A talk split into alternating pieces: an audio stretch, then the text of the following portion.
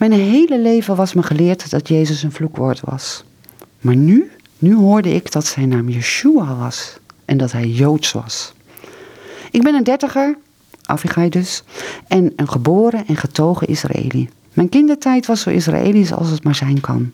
Met veel buitenspelen, altijd hummus op tafel en af en toe een luchtalarm. Behalve heel Israëlisch was mijn familie ook heel religieus. Zo hielden we de Sabbat, aten we kosher en leefden we strikt volgens de orthodoxe rabbinale wetten. Mijn broer en ik gingen ook naar een ultra-orthodoxe basisschool.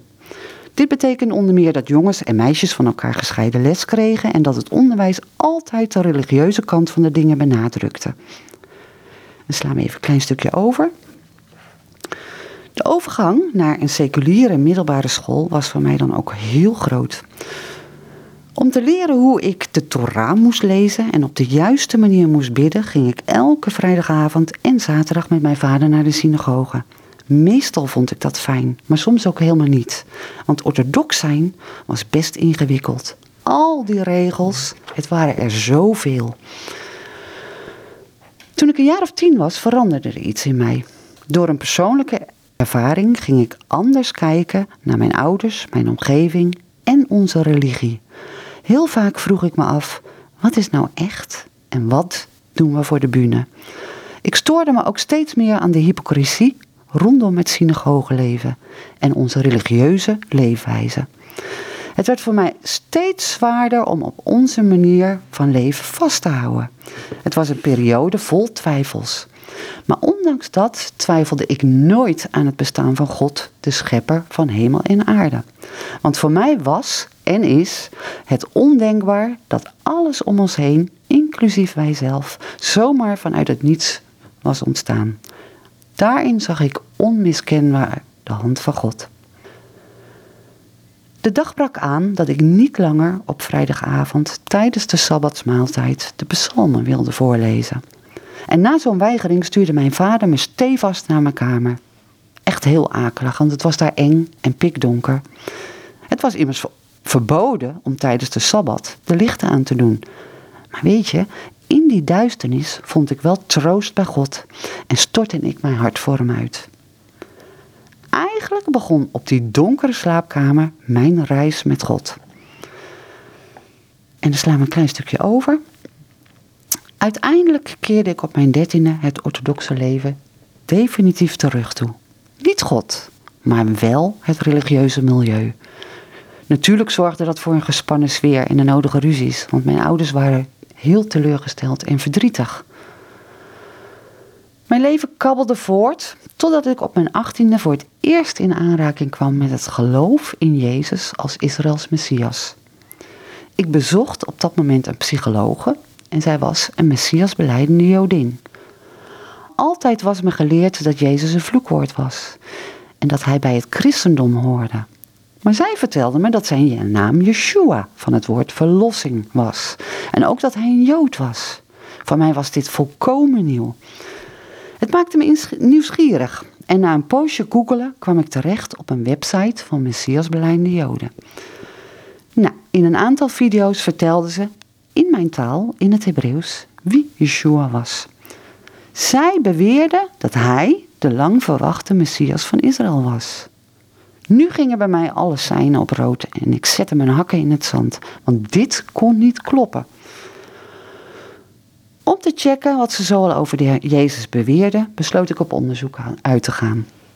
Was Yeshua echt God geopenbaard in zijn zoon? Hoe dan? Er is toch altijd maar één God en werd zijn komst in mijn, tussen aanhalingstekens, nacht al aangekondigd? En waarom moest hij dan sterven? Waar was dat dan goed voor?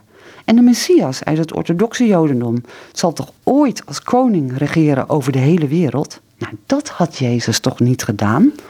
Mijn hoofd tolde en ik zat boordevol vragen. Voor goed onderzoek moest ik natuurlijk ook het Nieuwe Testament gaan lezen. En die had ik niet. Maar ook dat was geen probleem, want die was eenvoudig te downloaden. Met knikkende knieën want nu begaf ik me toch echt op verboden terrein, opende ik het Nieuwe Testament. Tot mijn verbazing kwam ik direct in het eerste boek al citaten uit mijn Hebreeuwse Bijbel tegen. Want in het Matthäus-evangelie wordt vaak verwezen naar de Tenach met de formulering... Toen ging in vervulling wat de profeet had gezegd, of dit gebeurde om in vervulling te laten gaan.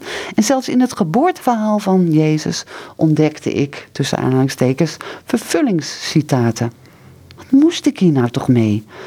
Mijn plan was eigenlijk om met behulp van mijn tenag te bewijzen dat deze Messias beleidende Joden de plank volledig missloegen.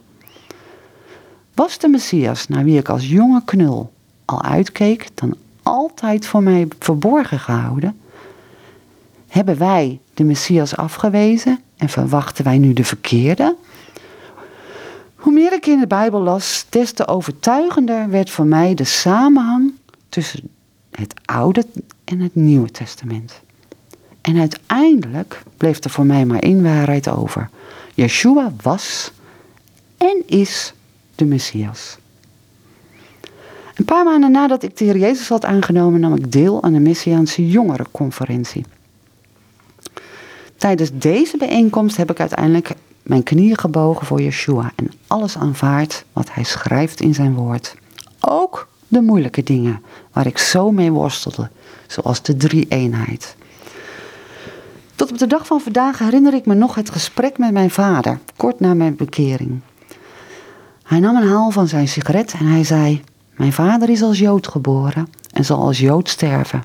Ik ben als Jood geboren en zal als Jood sterven. Maar Avigai, jij? En daarna zweeg hij.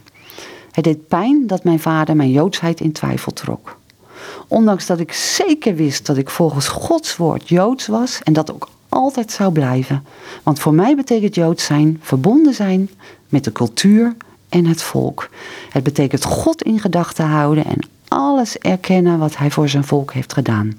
Ja, ik ben joods omdat ik voortkom uit Israël. Maar geloven in de Joodse Messias maakt mij compleet joods. Toch is het niet altijd makkelijk om een volgeling van de Heer Jezus te zijn. Want in de ogen van mijn landgenoten ben ik nu niet Joods meer. Terwijl juist niet-Joden je alleen maar zien als Joods. Soms voelt het alsof je, alsof je ertussenin staat. Maar weet je wat echt telt? Dat ik ben gered door genade en dat ik een kind van God ben door het geloof in Christus Jezus. Daar gaat het om. En dat staat weer los van mijn identiteit.